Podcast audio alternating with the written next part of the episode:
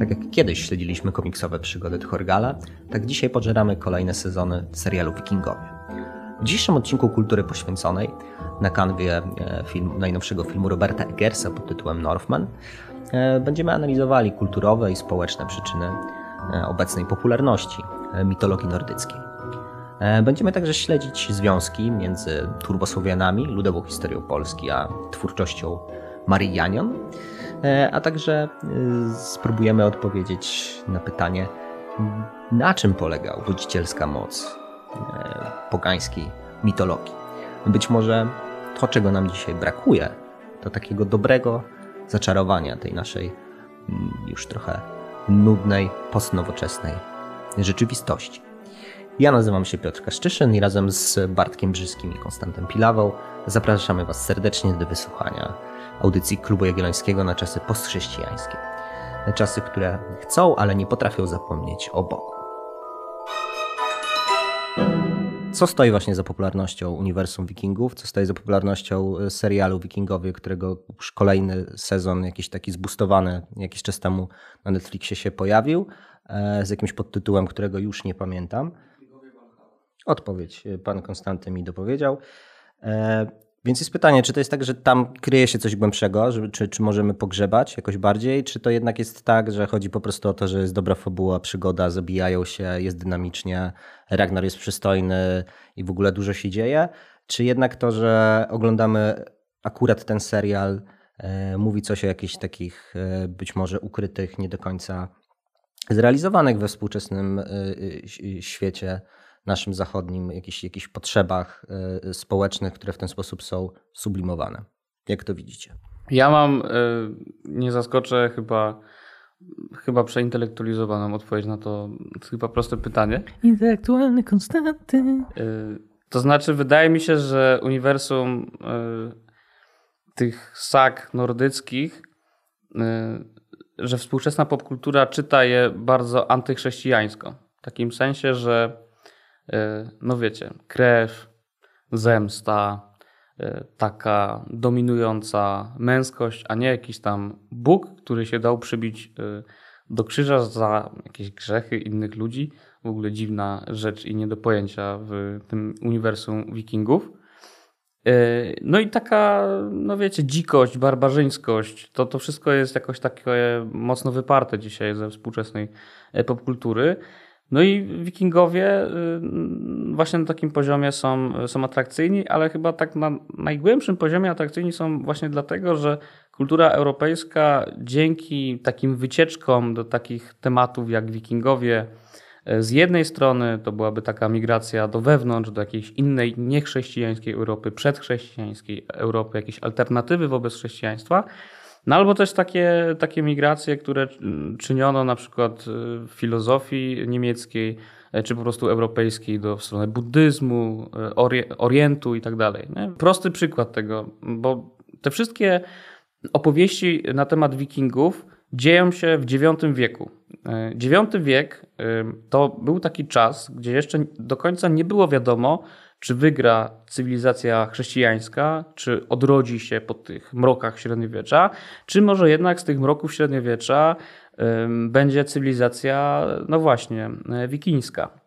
E, wiecie, ten cały vibe na to, że to byli odkrywcy, przyjechali tam, odkryli e, Amerykę i jako pierwsi tak naprawdę Mieli te swoje drakary, te, te wspaniałe sposoby e, walki, bardzo innowacyjne w ówczesnej e, Europie.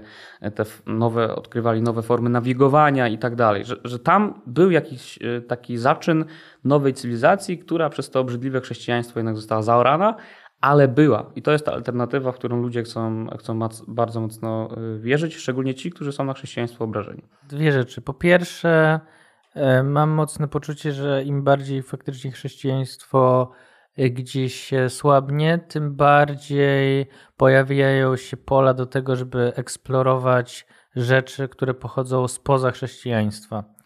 E, I mamy takie punkty, gdzie znajdujemy potwierdzenie tej tezy w wielu miejscach. Nawet myśmy omawiając książkę E, pani Agnieszki Szpili Heksy, e, która mocno nawiązuje do tych wątków właśnie niemiecko-pagańskich, która, która eksploruje rzeczywistość poza e, chrześcijańską, taką, e, ale też jak, z jakąś tam metafizyką swoją. Pokazuje, że w tym wypadku, mocno odwołując się do, do takich emancypacyjnych wątków, E, no pokazuje, że, że jest kontynuacja tego, co chociażby widzimy też w, noblistce Oldze Tokarczuk, tak? Oni też te wątki się e, pojawiają. Druga rzecz to mamy w jakiejś takiej historiozofii to, że mamy jakąś wielką Lechię, mamy jakąś historię cywilizacyjną przed chrześcijaństwem, e, mamy momenty, w którym to się w popkulturze objawia, nie wiem, jakimiś takimi e, eksportem Wiedźmina, słowiańskości, że próbujemy na tym budować, że to nie tylko jest ten, to, ten ci wikingowie, którzy jakoś zrobili się mocno faktycznie Hollywood na samym początku Konstanty powiedziałeś, y, albo ty Bartek, chyba Konstanty, że nawrót do pogaństwa w kulturze pojawia się w momentach słabości chrześcijańskiego imaginarium. Tak? Czyli ja ty... chyba powiedziałem tak, że w momencie, w którym chrześcijaństwo słabnie, pojawiają się pola do tego, żeby eksplorować rzeczy, które, yy, które są spoza. Tak, ja chciałem to pociągnąć w takim sensie, że yy, wydaje mi się, że to nie chodzi tylko i wyłącznie o jakby taką w sensie, że mocne chrześcijaństwo, no wtedy jest słabe pogaństwo i odwrotnie, że chodzi o jakąś siłę, tylko że mm, ta słabość, ona się objawia też w jakimś takim y, takiej nudzie, że, to jest, wszystko jest oczywiste, to jest takie przewidywalne, to jest takie uporządkowane. Dokładnie wiemy, co się wydarzy. Chodzimy na ten prześwięto albo nie chodzimy. Że generalnie jakby nam wszystko już tak bardzo spowszedniało. I wtedy ty Kostek mówiłeś, już na pewno ty Kostek.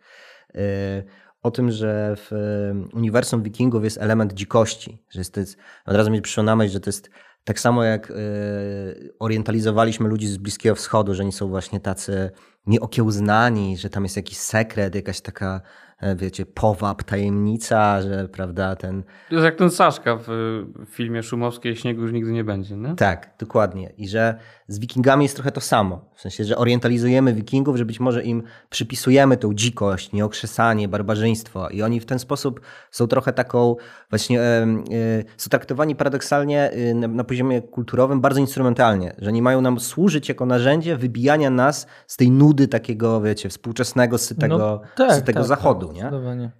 Zdecydowanie jest tak, że żyjemy życiem. Kultura nam sprawia, że możemy żyć y, trochę życiem zastępczym, tak? Pewną, pewnym projekcją własnego życia w innej rzeczywistości. To jest to, co nas e, pociąga i dlatego e, Bauman przestrzegał przed tymi retroutopiami, czyli fantazjowaniem o, to, o tym, że kiedyś było jakieś lepsze życie, w którym byśmy się lepiej odnaleźli. I tu jest trochę to samo, że my chcemy tego prawdziwego życia, w którym każda wyjazd na, tak, na, na, na bitwę, na wojnę może być naszym ostatnim, że nie liczymy się z tym życiem, że oddawanie, y, y, że ten podkrew i łzy były, były realne, żeby to doświadczenie było jakieś faktycznie, y, nie wiem, jako jakąś niesamowitością, tak? I to tam wszędzie, wszędzie jest, bo tylko wtedy można, e, ci ludzie e, okrywali się chwałą, jakimś heroizmem,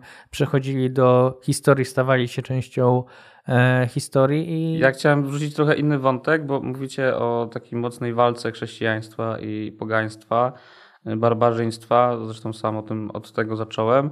Natomiast y, no tak na drugą nóżkę można powiedzieć y, o tym, że jednak historia Europy jest historią no, takich wewnętrznych konfulsji, nie? tego, że Europa nie była po prostu chrześcijańska end of story, tylko zawsze była jakaś walka i to, dzięki tej walce mm, jesteśmy tutaj, gdzie jesteśmy, nie? Teza y, Cichockiego może mamy północ i południe jako dwa żywioły europejskie. Południe zawsze było nudne, zawsze było e, starymi bukłakami, do, którego trzeba, do których trzeba było wlać te, te żywe e, barbarzyńskie wino, żeby to razem jakoś działało w jednej w jednej przestrzeni i w jednym czasie. I wydaje mi się, że no, dzisiaj, skoro mówimy o, o tym, że chrześcijaństwo ma tak duży kryzys, no to tym bardziej te, te barbarzyńskie, pełnokrwiste opowieści o alternatywie są tak atrakcyjne, nie? Właśnie, właśnie przez to zdarzenie. Nie? Tego kurczę, jakby. Y, Dobra, najpierw rzeczywiście się yy, zgadzam, że szczególnie to mocno było widać na kanwie serialu Wikingowie, gdzie yy, mieliśmy tę relację yy, głównego bohatera Ragnara Lodbruka z, z tym mnichem Atelstanem, tak, który przez moment staje się w ogóle wikingiem, więc spełnia jakiś taki też topos tego mnicha bitewnego. W grach RPG też jest taka klasa często. E, natomiast... I, no i też Ragnar staje się tak, na moment chrześcijaninem, nie? Tak, więc jakby ta walka jakby w nim Odyna z Chrystusem jakby staje się rzeczywiście jakąś taką psychomachią, duchomachią, nie wiem jak dobrze to nazwać. Więc się zgadzam, że to w serialu bardzo mocno... wyjątkowo nie jest to nasza nadinterpretacja, drodzy słuchacze. To jest bardzo mocno pokazane w serialu. Natomiast y, krótko co do tego, że tych bukłaków i tak, i że jakby naturalne jest to, że w momencie słabnięcia potrzebujemy tej barbarii, żeby ona, ona nam jakby napełniła, da, dała świeże wino. No Też przypomniało zdaniem... o sobie, nie? To mhm. jest takie spotkanie z innym. Też w ogóle... Definiujesz mhm. siebie przez to, że spotykasz się z czymś zupełnie innym, niebezpiecznym. Nie? Ja mam poczucie, że jednak tam jest coś takiego głęboko wiecie, rekonstrukcyjnego, w sensie, że to nie jest tak, że my, po, że powracamy do tożsamości przedchrześcijańskiej. To jest nieprawda, my sobie ją konstruujemy na potrzeby nasze współczesne. To jest jakiś taki patchwork bez źródeł. To są, tam są powrzucane nasze wyobrażenia, nasze oczekiwania bardzo współczesne, no nie? W sensie oni są traktowani znowu, oni są traktowani instrumentalnie, no nie? My sobie tworzymy przedchrześcijańskiego Europejczyka, a my do niego nie wracamy, bo nie mamy do niego powrotu, tak, no, nie? Ty mówisz o grupie rekonstrukcyjnej, ale ja mówiłem o tym, jak rzeczywiście ten, według Cichockiego, nie wiem, czy to jest prawda, ale smaczna teza, że po prostu tak Europa powstawała, nie? Teraz być może jest y, w ten sposób, że no jeszcze nikt nie wymyślił tego nowego y, barbarzyństwa albo go tak nie opisał. I dlatego jest ta rekonstrukcja i jakby przebieranie się za, za innego. I może dlatego odczuwamy taki zastój nie? i tą mhm. nudę, bo właśnie nie ma tej drugiej strony. Nie potrafimy jakoś e, unaocznić tej, tej walki, ale zgadzam się w pełni, że, że dzisiaj Wikingowie Ragnar, Lodbrok i te wszystkie, wiecie, zespoły, nie? niby grające taką etniczną muzykę, mnóstwo jest tego tam, Warduna, nie? Einar Selvig, jakiś e, Iwan, Iwan Bjorkson, nie? Oni się w ogóle nazywają jak bohaterowie y, grający y, w ogóle w, w tym filmie jakieś postacie. To są ludzie, którzy najpierw, naj, najczęściej to jest taka droga, nie? Gość 20 lat temu, jak ten Selvik, y, był jakiś perkusistą w death, death metalowym zespole, a potem stwierdził, że to jest już nudne, bo ile można napieprzać te 32 na takiej perkusji rękami, nogami, głową jeszcze, to zrobię coś normalnego, takiego intelektualnego e, i zagram sobie nutkę na jakimś tam etnicznym instrumencie i, i będę teraz robić to jako nową popkulturę, nie? To, to jest właśnie coś takiego, nie? I to jest rekonstrukcja, typowa rekonstrukcja. No ale to też jest fajne, nie? Ja na przykład lubię Wardunę czasem. Tak, puszczałeś nam wczoraj i też uważam, że bardzo przyjemnie się słuchało. Jeszcze y, przechodząc do jednego wątku, który ty Bartek poruszyłeś, to najwyżej dopowiesz, nie zgodzisz się cokolwiek. E, mówiłeś o tej retroutropii baumanowskiej, e, to mi od razu przyszło e, takie skojarzenie, że tu jest też drugi, druga przyczyna mm, dużej popularności. Czy z jednej strony no to jest właśnie ta rekonstrukcyjna, konstrukcyjna, jakkolwiek ją nazwać, odpowiedź na tą nudę współczesnego świata i jakby zastój taki tożsamościowy, a z drugiej strony ten świat dostarcza nam pewnego fundamentalnego ładu i porządku. W sensie tam wszystko jest przewidywalne. Mamy swoją rolę, funkcję w tym świecie. W związku z tym jakby... Trochę jak nie... rozmawialiśmy o Dozonabi. Dokładnie, do tego chciałem przejść, że to jest na tym poziomie, to jest wręcz jakby funkcyjnie to jest dokładnie to samo. Nie? Jakby jak wtedy w tym odcinku yy, zachęcamy do oczywiście przesłuchania odcinek z, o Downton Abbey oraz yy, Najgorszym Człowieku na świecie. No właśnie, w tym Najgorszym Człowieku na świecie jest tak, że yy, jesteśmy po prostu przebodźcowani liczbą możliwości naszych życiowych, tym, tym czy, kim mamy być i co mamy robić, no to, w tym właśnie świecie takim e, nawet tym rekonstrukcyjnym, jak sobie rekonstruujemy wioskę wikingów, no to jest jasne, że kobiety rekonstruktorki to gotują jakieś stylizowane na tamtejsze potrawy, a faceci machają tymi wykutymi nieraz własnoręcznie przez długi czas, więc jest frajda y, mieczami, więc wszystko jest jakby uporządkowane, w związku z tym to jest super, tak? Bo jest znowu trochę jakby inne niż w tym współczesnym świecie, gdzie mam totalne pomieszanie ról nagle, nie? I jakby nie wiadomo w sumie co robić. To jest jak ten zakład, nie? że y, zakładasz się myśląc o tym świecie, w sensie myślisz o tym, że byłbyś w najlepszym możliwym miejscu w tym uniwersum, do którego chciałbyś trafić. Nikt nie rekonstruuje bycia niewolnikiem. A nikt nie, re- nie rekonstruuje bycia niewolnikiem i, e, i tego, że w przynajmniej tym wikingowskim e, uniwersum e, wojna i przemoc, właściwie przynajmniej tak jak to jest przedstawione, jest głównym twoim, główną twoją życiową rolą. Jakby tylko wtedy możesz przejść do Walhali e, i, i trafić do, do świata e, po śmierci, gdzie trafiają niewolnicy, znaczy nie niewolnicy, tylko bohaterowie, e, wolni ludzie. No i to sprawia, że E, nie, nie masz szczęśliwej, e, szczęśliwego, nie, nie żyli długo i szczęśliwie.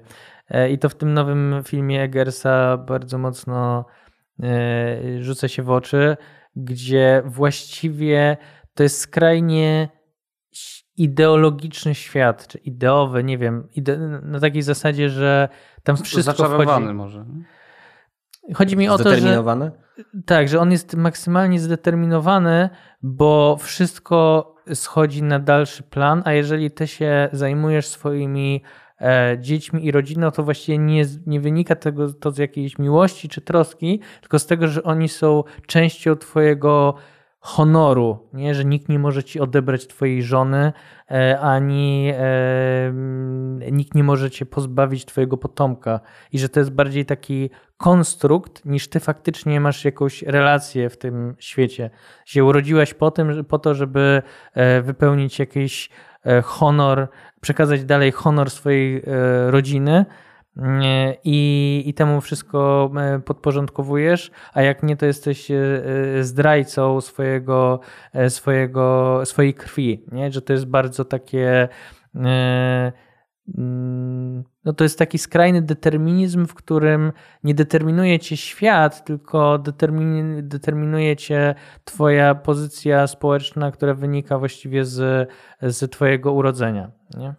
To już jakby y, zacząłeś przechodzić bezpośrednio do, do clue chyba naszego odcinka, czyli y, dyskusji o filmie Viking czy Northman y, Roberta Eggersa i generalnie być może też szerzej o twórczości Roberta Eggersa, jeżeli tak nam pójdzie.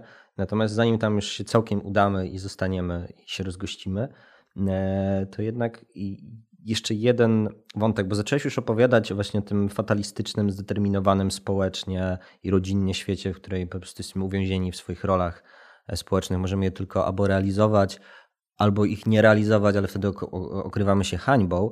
No to jednak jest intrygujące dla mnie, że nie tylko na tym poziomie popkulturowym, o którym mówiliśmy dotychczas, w kontekście popularności uniwersum wikingów, ale też na takim poziomie, nazwijmy to bardziej literacko-intelektualnym, ta e, jakaś taka, no właśnie, mm, tęsknota za tym światem słowiańskim, przedchrześcijańskim się pojawia. Tak? Wymieniałeś już e, omawiane przez nas heksy, ale też e, e, na, na OFIE kilkukrotnie już zajawiałeś też w kontekście swojego eseju do, do presji Marię Janion, która jest jakby odbierana bardzo tak właśnie akademicko-intelektualna, jako intelektualna patronka, nestorka polskiego, polskiej myśli feministycznej, ale też takiej powszechnie odbieranej właśnie antyromantycznie.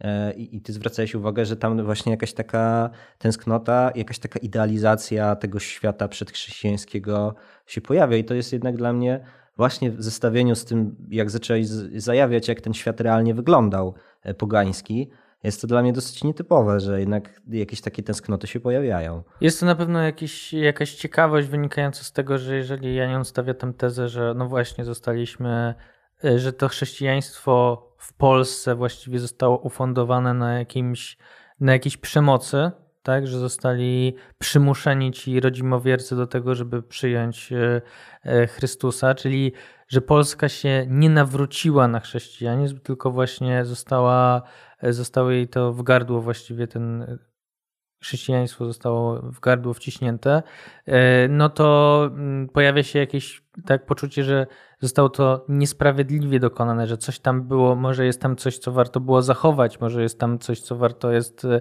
eksplorować, tak, że to jest jakaś taka, a poza tym to jest e, coś, co jakby, jeżeli Janion opisuje tam romantyków polskich, tak, Mickiewicza, o którym e, pisze, że Mickiewicz właśnie sięgał w tym romantyzmie do do tych wątków słowiańskich, ale jednocześnie e, nie przeciwstawiał tego e, chrześcijaństwu.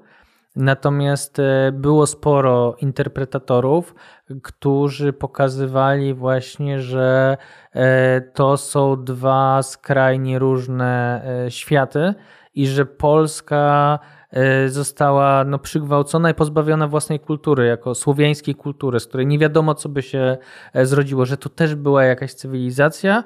Ona nie była chrześcijaństwem, ale to była cywilizacja, a my, ponieważ chcieliśmy przetrwać jako byt, polityczny, to musieliśmy się ochrzcić, bo inaczej zostalibyśmy podbici, nie mielibyśmy e, podmiotowości. Tak? Wtedy podmiotowość oznacza po prostu e, ten in, inna sprawa, że, że tam przywołuje między innymi e, Witkacego, który mówił o tym, że mamy rozdwojenie jaźni, powinniśmy przyjąć ze wschodu się ochrzcić, po prostu wschód nas powinien ochrzcić, a nie zachód. Czyli jakby powinniśmy być w tym prawosławnym e, imaginarium, wtedy bylibyśmy bardziej zsynchronizowani z tą słowiańską kulturą, nie? Straszny bullshit, musiał być naćpany. On chyba często był naśpany, nie? No właśnie. No. W każdym razie myślę, że akurat od strony feministycznej to było, to było jakoś pociągające, bo no w, w tym, w tym no właśnie eksplorowaniem tego, tej słowiańskości. E, tam są w kulturze bardzo silne postacie kobiece, nie? One są bardzo e, jak wampirzyce, czy jakieś takie mityczne, czy takie fantastyczne postacie, które są właśnie mocno erotyzowane, właśnie uwolnione niejako, upodmiotowione w tym, co jakby romantycy robili specjalnie, a z drugiej strony właśnie różne wiedźmy, E, różne szeptunki, tak, kobiety, które, e, które miały jakąś tajemniczą władzę, która nie była władzą miecza, topora, tylko właśnie władzą magiczną daną od ziemi, e, jakąś taką nie, nie, nieudostępnioną dla, dla mężczyzn, którzy właśnie tutaj palili je zaraz, bo, bo chcieli je, jej te, te, ich tej władzy pozbawić. E, więc to wszystko składa się na to, że faktycznie, szczególnie mówię, z tej kobiecej perspektywy, e, to Majanin opisuje, no to jest pewnie jakoś tam e, ciekawe. No i to jest właśnie dlatego tak mocno antychrześcijańskie, no bo po prostu nie da się tych rzeczy ich zdaniem pogodzić i, i że to chrześcijaństwo zostało po prostu jako taka patriarchalny system przygwałcił no tak uniemożliwił upodmiotowienie wielu, wielu, e, wielu grup społecznych. No, sprowadził chyba kobiety, tak mi się wydaje, że dlatego te słowianofilki e, funkcjonują chyba dość dobrze. Mówiliśmy o heksach, no to wracamy, ale no bo w takim popkulturowym odczytaniu chrześcijaństwo sprowadziło kobiety do pojemników, które rodzą dzieci. Nie? W sensie, no jak się mówi o inkubatorach, nie? Do, tak, tak. Jest taki właściwie kobieta jest uprzedmiotowiona, bo jest pomieszczeniem na od... jakby karmienie i potem wydawanie na świat nowego życia. Nie? A u Słowian, czy tak jak to jest przedstawiane mm, u Marianion chociażby, no to jest właśnie podmiotowe, nie? bo ty jakoś stwarzasz, ty jakoś panujesz nad przyrodą, nie? bo masz jakąś taką bliskość y, do natury. I wydaje mi się, że od strony męskiej y, zachodzi jakiś mechanizm podobny, no bo ta barbarzyńska, wikińska, wikingowska męskość no jest pozbawiona w cudzysłowie oczywiście tego chrześcijańskiego bullshitu, nie? z miłosierdzia, z ofiary, z umiarkowania, z opanowania, z działania łaski, z tego, że tak naprawdę istniejemy w przedsionku wspaniałego świata, nie? a nie świata krwi, świata zemsty, świata nienawiści, świata, gdzie jeśli sobie nie weźmiesz, to nie dostaniesz, nie? Jakby dla takiego dzisiejszego jakby postchrześcijańskiego człowieka, mieszkańca Europy, wydaje mi się, że takie chrześcijaństwo y, od strony męskiej jest po prostu bullshitem, nie? bo nie pozwala ci y, zapomnieć y, o tych wszystkich ograniczeniach. Nie? Chrześcijaństwo jest hamulcowym, jest jakimś takim bezpiecznikiem, od którego ty musisz się mm, jakoś wyzwolić, nie? Jest taką, nie jakąś prezerwatywą wręcz, nie? Jakby musisz ją ściągnąć w końcu, żeby stać się tym, który jest podmiotowy i zapładnia y, ziemię. Nie? Jest facetem z krwi i kości, a nie jakimś ugrzecznionym prawda, y, katolikiem. Z tego, co wy mówicie, to okazuje się, że y, wikingowie, których zaczęliśmy i Maria Jan jako reprezentantka Słowianofilek, jak to określiłeś Konstanty, są dwie drogi, dwie płciowe drogi dochodzenia do tego samego, czyli do jakiejś takiej dominacji, władzy, podmiotowości, która jest rozumiana dwojako u mężczyzn E, jako prawda, naga siła,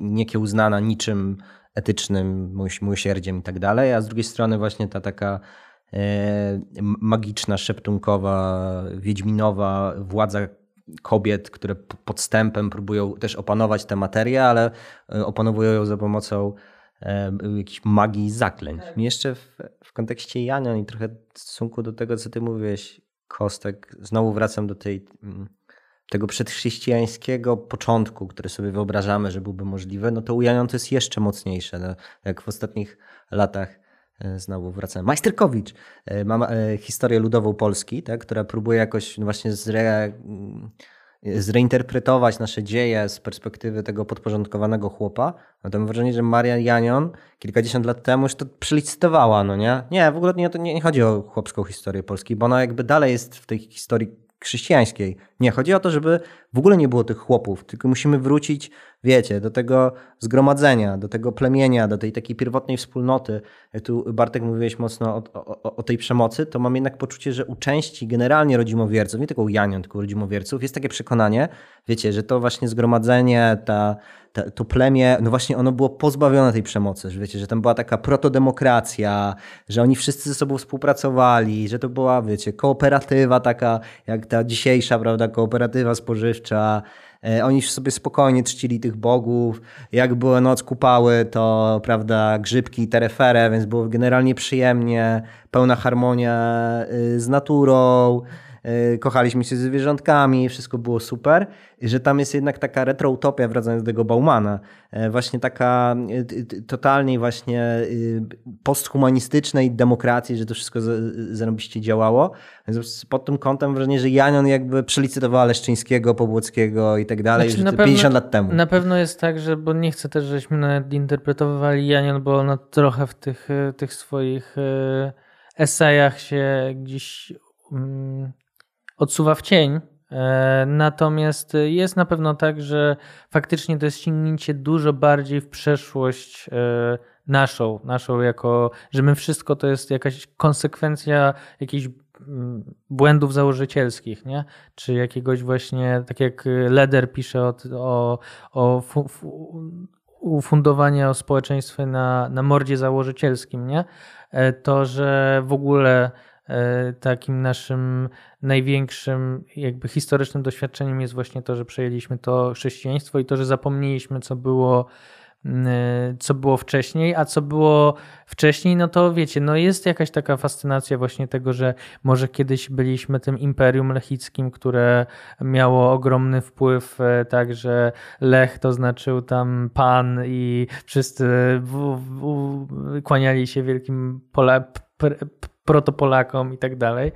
E, a z drugiej strony, że jest ta fascynacja tego, że skoro wraca, że chcemy wrócić do natury i te współczesne ruchy lewicowe też chcą, żebyśmy bliżej byli Ziemi, no to w takim razie może, może to już było, może myśmy byli tej bliżej tej Ziemi, może ta cywilizacja poszła w złą stronę, bo popełniliśmy właśnie ten błąd, że zaczęliśmy budować te katedry, a może wcale w tych, yy, yy, prawda, chatek z, z Bali, to w chatkach z Bali było całkiem całkiem, e, całkiem przyjemnie i może trzeba było tylko to doskonalić, nie? Tą naszą słowiańskość, która jest właśnie taka metafizyczna, ale właśnie las i gwiazdy i tam e, Zew, Jowisza czy whatever. E, Dmuchawce, latawce, wiatr Daleko z betonu świat tajemnicze Karpaty w, w Blasku Księżyca. No, wiecie, ja jak ty mówisz o Majsterkowiczu, to, to ja się podzielę też rzeczami, które robię poza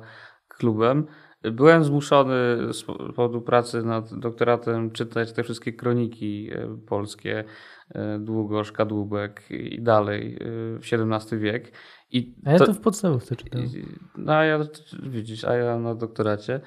I, i to nie jest tak, że... Mm, że stosunek do chrześcijaństwa tam jest jednoznaczny. No wręcz przeciwnie, nie? Ten mit genetyczny polskości jest taki, że właśnie my się z tym Imperium Rzymskim napieprzaliśmy, nie? Trochę jak wikingowie. I, i dominuje jakaś taka duma z tego, z tego barbarzyństwa, więc no, Janion tutaj nie odkrywa zbyt, zbyt wiele nowych, nowych rzeczy, nie?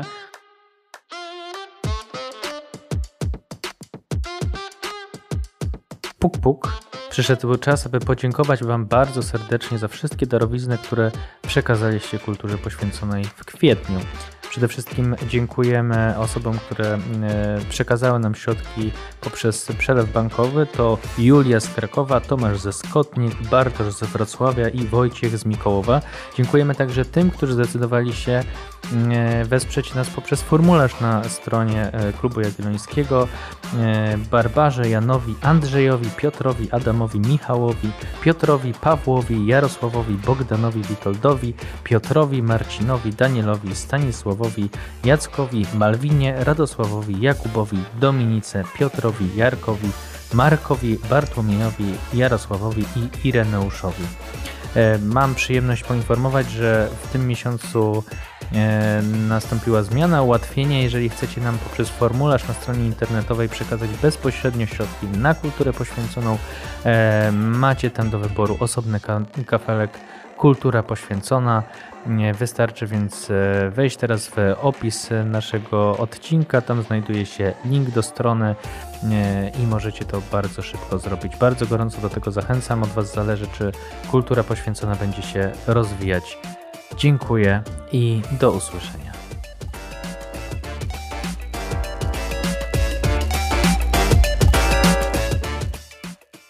E, słuchacze na, nasi drodzy, teraz przechodzimy chyba do głównego dzieła kultury, jakie będziemy omawiać, bo nie, nie jest nim wcale serial Wikingowie, e, ale film, e, na którym byliśmy jakiś czas temu, czyli film Roberta Eggersa Viking, czy też Northman. Wciąż jak słuchacie tego odcinka, wydaje mi się, że dostępny w kinach i polecamy go obejrzeć w kinie, bo ze względu na majestatyczność nakręcenia kadrów, zdjęć i ścieżki dźwiękowej i efektów specjalnych. E, warto po prostu obejrzeć go na, na dużym ekranie. E, I sama postać Roberta Eggersa e, dla nas nagrywających jest, jest istotna. We trzech jesteśmy gigafanami dostępnego chyba wciąż też na Netflixie poprzedniego filmu Roberta Eggersa, czyli Lighthouse z Williamem Defoe i Robertem Pattisonem. Miałem powiedzieć w rolach głównych, ale chyba w rolach jedynych, bo to po prostu oni tylko tam występują.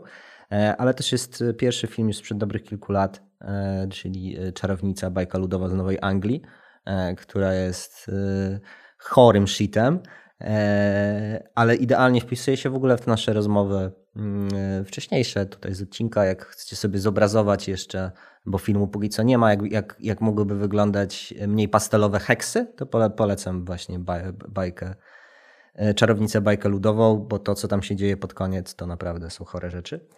E, natomiast sam film, e, sam film Northman dla nas jest o tyle istotny, że e, to jest już moja teza wychodząca i zapraszam tutaj kolegów do, do dyskusji, że Eggers nakręcił film, który jest jakby taką, wiecie, skondensowanym pogaństwem, że to jest jakaś taka, mm, taki film symboliczny tym sensie, że tam mniej nawet istotna jest sama fabuła, ona jest jakby pretekstowa do tego, żeby pokazać po prostu kolejne elementy tego uniwersum, uniwersum nordyckiego, który jednocześnie jest właśnie takim e, jakby skondensowanym uniwersum, e, uniwersum pogańskim, żeby pokazać jakby jakie zasady, jakie wartości, jakie mechanizmy tym, e, tym światem rządziły i że to były mechanizmy, które, tak jak już chyba Bartek wcześniej mówiłeś, na pierwszym takim poziomie e, sprawiały i osadzały nas po prostu w rzeczywistości e, zdeterminowanej bardzo mocno e, na poziomie jakimś historiozoficznym, zdeterminowanej na poziomie społecznym, osadzającej nas w pewnego rodzaju e, fatalizmie. I dzięki po prostu moim zdaniem talentowi samego Eggersa, e, i tutaj będziemy się wspierać, bo już e, wiem, że kolegom się tak nie podobało jak mi. E, Uważam, że dzięki talentowi Eggersa to e, bardzo dobrze e, tą specyfikę tego uniwersum pogańskiego udało się oddać.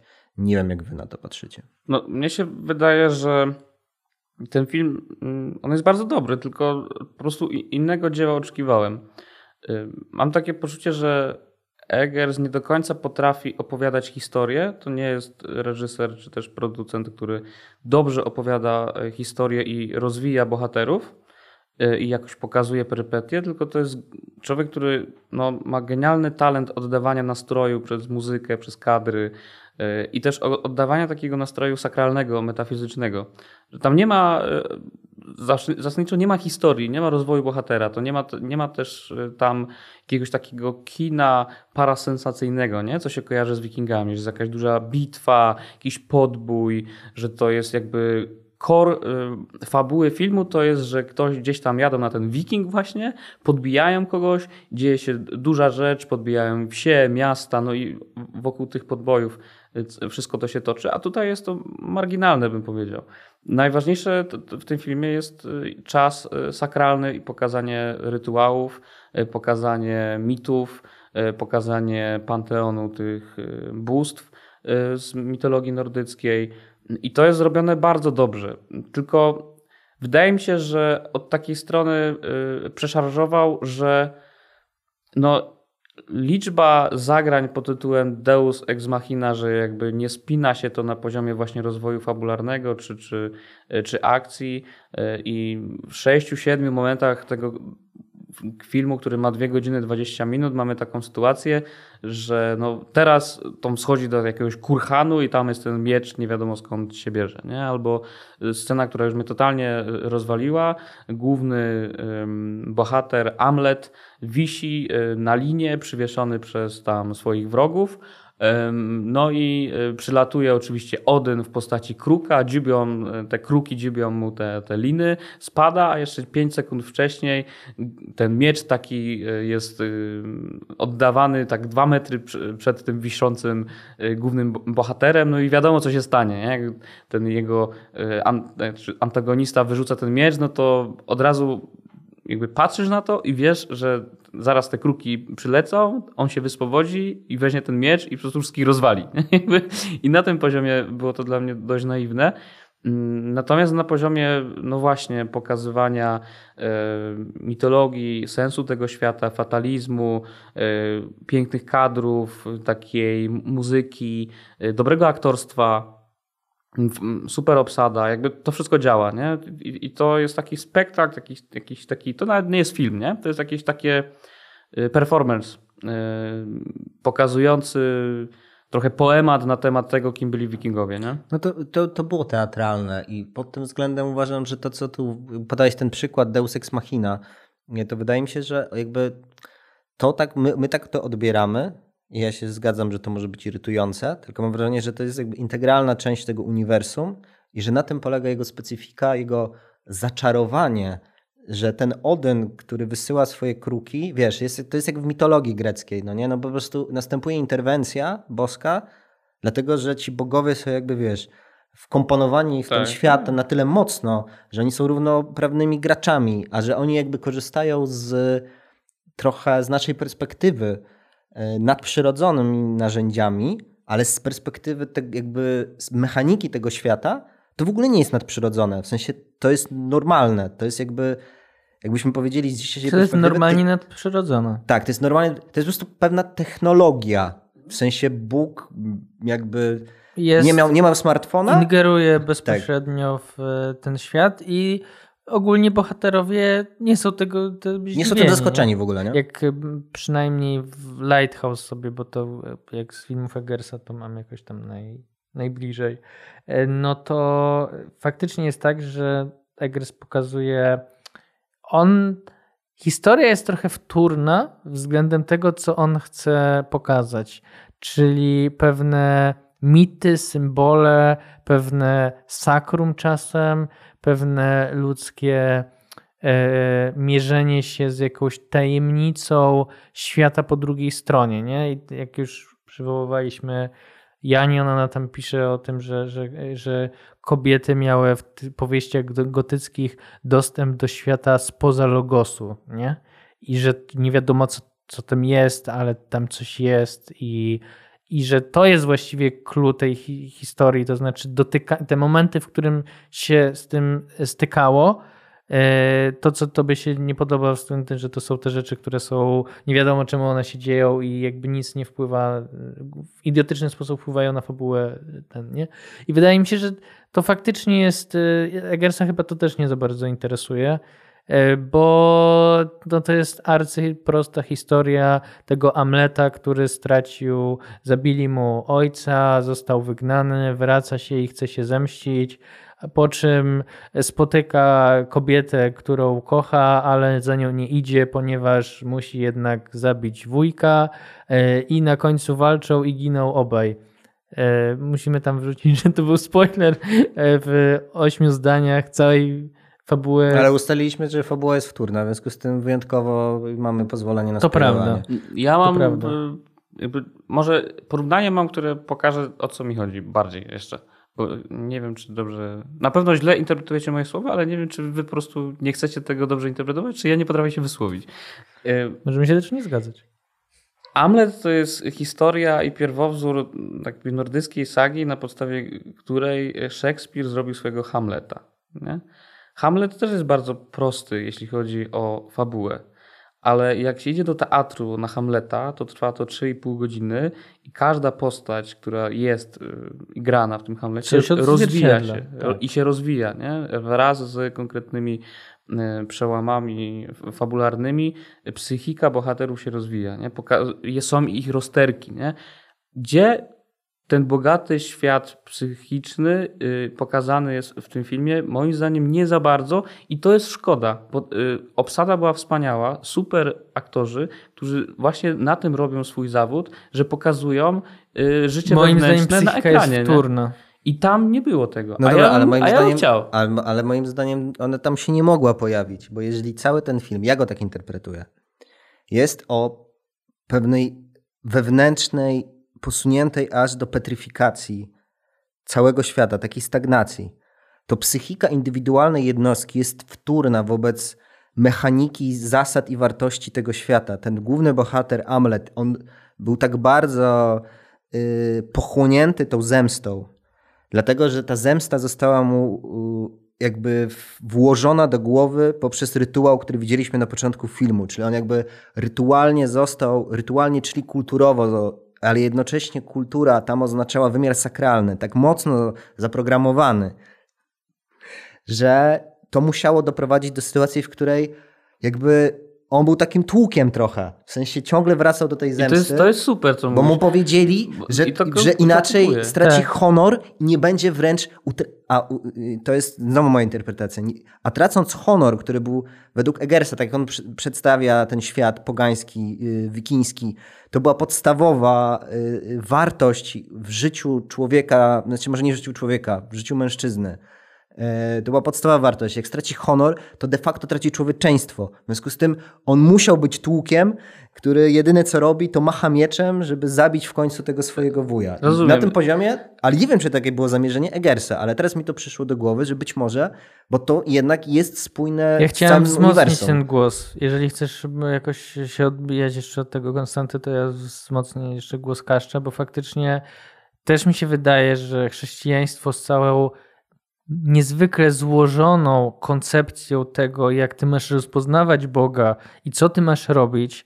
I to nie jest, to nie są łatwe cele, tylko to są skonstruowane y, czy skomplikowane y, zagadnienia, że tak powiem, sprawiło, że myśmy rozwinęli swoją y, autorefleksyjność cywilizacyjnie i że te całe właśnie psychiczne autoanalizy, to kim jesteśmy, jak powinniśmy patrzeć na świat, co z czego wynika, to się dopiero, to, to jest dosyć świeże. A e, tamten świat, w którym e, you have e, three things to do, e, my friend. E, po pierwsze, a, no jakby te rytuały przejścia, czyli jesteś zwierzęciem i dopiero gdzieś tam masz stać się człowiekiem poprzez to, że przyjmie, przyjdziesz jakiś rytuał i przyjmiesz te podstawowe wartości, które są niezwykle brutalne i ofensywne, nie? w którym wszystkie po, po, rzeczy poboczne e, są uzasadnialne, bo możesz zabijać, możesz gwałcić, możesz mm, niewolić e, w imię tych podstawowych, podstawowych zasad i ty nie musisz myśleć w ogóle, bo dostałeś jedną rzecz do zrobienia i przez cały czas to, to robisz. Oczywiście pewnie znowu upraszczamy ten, ten świat, bo go jakoś tam w sposób wadliwy rekonstruujemy, e, ale po prostu wydaje mi się, że ten aspekt fajnie pokazuje, jak bardzo chrześcijaństwo pozwoliło nam, jako ludziom, aż do przesady być może, i stąd te, też te współczesne problemy się biorą, stać się no właśnie jakoś podmiotowymi, bo mamy relację bezpośrednią z, z Bogiem i mamy go jakoś interpretować w kontekście naszego, naszych doświadczeń. I przez to po pierwsze jesteśmy podmiotowi, a po drugie jesteśmy skrajnie auto, autorefleksyjni, nie? I że to jest jakieś cywilizacyjne dokonanie. Tak, ja, to nie jest tak, że ja się z wami nie zgadzam, ale nie zgadzam się trochę na tą wizję Eggersa, bo nie kupuję, że można zredukować psychikę ludzką, jeśli się nie jest y, tym chrześcijaninem, a jest się po prostu wikingiem i się ma one job to do. Jakby tak to nie działa. Y, ale y, powiem z czego to wynika. Jak zobaczyłem trailer, nie? który bardzo dużo mówi o tym, czym jest ten film, to mówię tak, zresztą Janek Maciejski oglądaliśmy razem ten trailer, że, że to jest Król Lew, nie? Hakuna Matata! Jak cudownie to brzmi! Hakuna Matata! To nie byle bzik! E, a ja mówię, no dobra, Król Lew fabularnie, nie? Król Lew fabularnie albo, albo Hamlet. I w sumie tak jest, nie? Ale po seansie y, to uważam, że to nie jest Hamlet, tylko to jest anty-Hamlet, nie? Bo co znaczy Hamlet i co znaczy hamletyzować, hmm. nie? Być albo nie być. To be Kurwa, or not to be. Zrobić, nie zrobić. Zabić tego wuja, jak się modli, jak, no tak, za, ale jak właśnie... zabił mi ojca, czy nie, bo to przecież zrobię go męczennikiem. Być, albo i cały czas, nie? A ten Amlet y, w, w Wikingu jest jakby antyhamletem, bo on nie myśli. On działa i właśnie ma. No ale wydaje mi się, że to jest właśnie to, do, że jednak. U... Ja nie kupuję tej wizji y, człowieczeństwa yy, i ludzie, kurde. Yy, w ten sposób nie funkcjonują, nie? I chrzest tego nie zmienia. To ja się, a nie, to ja się nie zgodzę. W sensie ja uważam, że, że właśnie radykalnie to jest, y, że no nie jestem tutaj szekspirologiem, ale wydaje mi się, że jednak Szekspir akurat ten aspekt i dlatego to jest reinterpretacja Amleta, że jakby to jest uwspółcześnione, to jest już cywilizacyjnie gigantyczny skok do przodu, że mamy pewien mit, który wkładamy w, w jakby bardziej uwspółcześnione relacja, e, e, realia względem widowni, do której e, piszemy, nie? I że nam jest radykalnie blisko do Hamleta, bo jesteśmy już po tym, po tym przeskoku cywilizacyjnym, niż Hamletowi do Amleta, i moim zdaniem nie wiemy, i w tym jest cały problem, że my, jak myślimy o tym pogaństwie, to myślimy o tym, że to są ludzie tacy jak my, tylko nie muszą przejmować się Panem Bogiem. Nie? A moim zdaniem to jest radykalnie inne, yy, inne myślenie yy, i radykalnie yy, i radykalnie inaczej, moim zdaniem, ci ludzie w ogóle myśleli i zastanawiali, jakby, że im nie wpadało do głowy e, ileś rzeczy, o których my myślimy, nie? że oni są inaczej skonstruowani, że to jest zupełnie inna, e, inna glina, więc w tym sensie uważam, że jednak ten, że, że, że chrzest e, wszystko zmienił. To powinniśmy chyba ten, to jest moment wejścia antropologii, w sensie musielibyśmy chyba faktycznie wyjątkowy moment, drodzy słuchacze, kiedy otwarcie przyznajemy się do bycia dyletantami, którymi często jesteśmy, ale nie mówimy o tym na głos. E, faktycznie by trzeba było poczytać antropologu, bo się zgadzam, że to jest fascy- fascynujące zagadnienie. Ja też chyba byłbym bliżej, bliżej Bartka, w sensie, że tam jednak było takie myślenie i jeżeli to jest prawda, to moim zdaniem film Eggersa super to oddał, że oni tak bardzo, wiesz, funkcyjnie, zadaniowo, oni w sensie nie przekminiali tego właśnie tak wewnętrznie, wiesz, autorefleksyjnie. Autorefleksyjność mi się jakby kojarzy jednak mocno, wiesz, z jakimś takim mm, dalszą funkcją sumienia, nie? Żeby, żeby to ja przekminiać te rzeczy o, wewnętrznie. Nie Nie o autorefleksyjności, tylko po prostu o, o tym, że psychika ludzka, bogactwo psychiki ludzkiej oczywiście jest mm, jakoś formowane przez kulturę, w której żyjesz, ale po prostu nie sądzę, że y, wikingowie byli aż tak mocno autystyczni. Nie? Odchodząc trochę tego wątku i wrzucając wątek, który chyba ty Bartek zajawiłeś, wydaje mi się, że jest istotny też e, pod kątem zarówno tego filmu, jak i Lighthouse, jak i e, e, Czarownicy bajki ludowej, próbując trochę na takim metapoziomie wydestylować, o czym tak naprawdę, co moim zdaniem sprawia, dla mnie osobiście sprawia, że twórczość e, Eggersa jest ważna, jest atrakcyjna i jest potrzebna i coś nam dużo mówi też w kontekście samej, od samego początku naszej rozmowy i y, kiedy analizowaliśmy atrakcyjność wi- wikingów i tak dalej, i tak dalej, to jest to, że on opowiada historię z, ze świata właśnie przedchrześcijańskiego, pogańskiego, który ma inną mechanikę, o której trochę mówi, mówiliśmy zarówno w tym odcinku, jak i wielokrotnie mówiliśmy w przyszłości w podcaście o tym fatalizmie, historii jako wiecznym powrocie tego samego, etc., etc., więc trochę y, nie chcę tego powtarzać, ale jest jeden element, o którym nie mówiliśmy i który moim zdaniem jest super istotny i tego chyba Bartek zajawiłeś, mówiąc o tajemnicy. I że w tych filmach, moim zdaniem, super to widać, że on właśnie mówi, że jest jakiś taki element rzeczywistości, który my już totalnie zatraciliśmy jako nie tylko chrześcijanie, ale też postchrześcijanie na zachodzie, nie? Jakby wszystko już jest jakby odkryte, wszystko jest jasne. Jak chcę sobie połazić, zobaczyć jak wygląda y, ulica numer 235, Przecznica z czymś tam w San Francisco, to wyrzucam sobie Google Street View, nie ma żadnych jakby y, tajemnic. Natomiast on jakby tworząc to filmowe uniwersum, zdecydowanie mocniej to jest w Lighthouse'ie, bo jednak tutaj on, moim zdaniem, ze względu na to, że chciał przedstawić mechanikę działania świata pogańskiego, nordyckiego, to, to jest bardziej wytłumaczalne, tam jest mniej tej tajemnicy, ale w Lighthouse jakby to tak do końca nie wiemy, dlaczego ci bohaterowie są tacy, jacy są. I że jest jakiś taki element właśnie takiej sakralności, takiej grozy, e, takiego jakiegoś poczucia, wiecie, wzniosłości, który niby jest trochę sakralny, ale w sumie cholera wiadomo o co chodzi. I że to jest coś, czego generalnie w naszym, świecie hiper takim racjonalnym e, już totalnie brakuje. I moim zdaniem właśnie na, na wprowadzeniu tej niedookreślonej, trochę takiej, wiecie, apofatycznej tajemnicy, na tym polega zaczarowanie świata. I na tym moim zdaniem też polega zajebistość Eggersa, że on nam jakby proponuje wejście w taką logikę świata trochę wręcz baśniową, nie? I że to jest totalnie y, dla, na poziomie wizualnym, ale też na poziomie jakiegoś takiego przeżywania i mechaniki świata jest moim zdaniem odświeżające po prostu dla nas żyjących tutaj w 2022 roku w, w późnej nowoczesności Polaków i innych tam Europejczyków. Dopiero po tych filmach widać, dlaczego Chrystus był potrzebny. Nie? Że dopiero jak się zde- zderzysz z tym światem i widzisz, jak on bardzo jest sprzężony, aż do, że trzeba go przeciąć, bo nie dało się go zreformować. Jakby tylko rewolucja mogła to, e, e, to e, znieść, bo logika w całej tej kultury sprawiała, że ona musiała się kręcić wokół e, podboju, zemsty, krwi, dziedziczenia, prawa e, i niewolenia i tego wszystkiego, nie?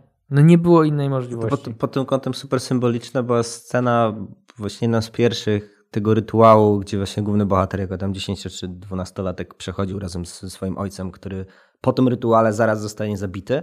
I Pamiętacie to drzewo królów, jakieś takie wyobrażenie, że właśnie kolejne pokolenia tych władców, wikingów, oni są po prostu kolejnymi gałęziami wielkiego drzewa. E, No właśnie, to jest tak zwane drzewo królów. Ja miałem takie skojarzenie trochę właśnie na, na, na zasadzie par przeciwieństw między chrześcijaństwem a tym światem pogańskim, który Eggers nam e, jakoś e, konstruuje bądź rekonstruuje do końca, też tego nie wiemy.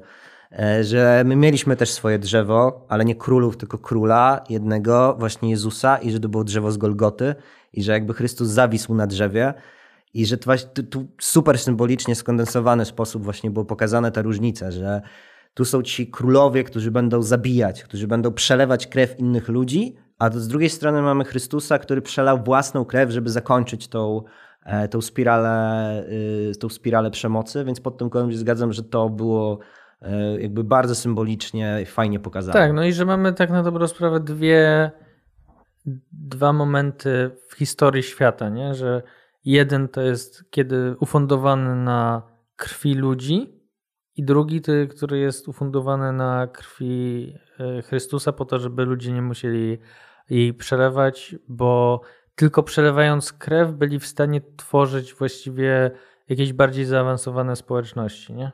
Żeby po Chyba tym kątem innej- mi przyszło do głowy, ale to też jest symboliczne, e, że Kain i Abel. Jak brat zabił brata, to później jak po, y, po tym morderstwie, co się stało? On poszedł, odszedł z rolnictwa i założył miasto. Czyli jakby mówisz o cywilizacji, że cywilizacja była napędzana przemocą, no to nawet na poziomie tej powieści biblijnej to jest super mocno pokazane No symbolicznie. tak, no, krew jest zawsze motorem dziejów i historii. Jest albo krew ludzka, czyli tworząca na nienawiści, i jest krew boska, która e, tworzy na miłości. W nie? tym sensie cały krew czas, zawsze użyźnia ziemię, nie?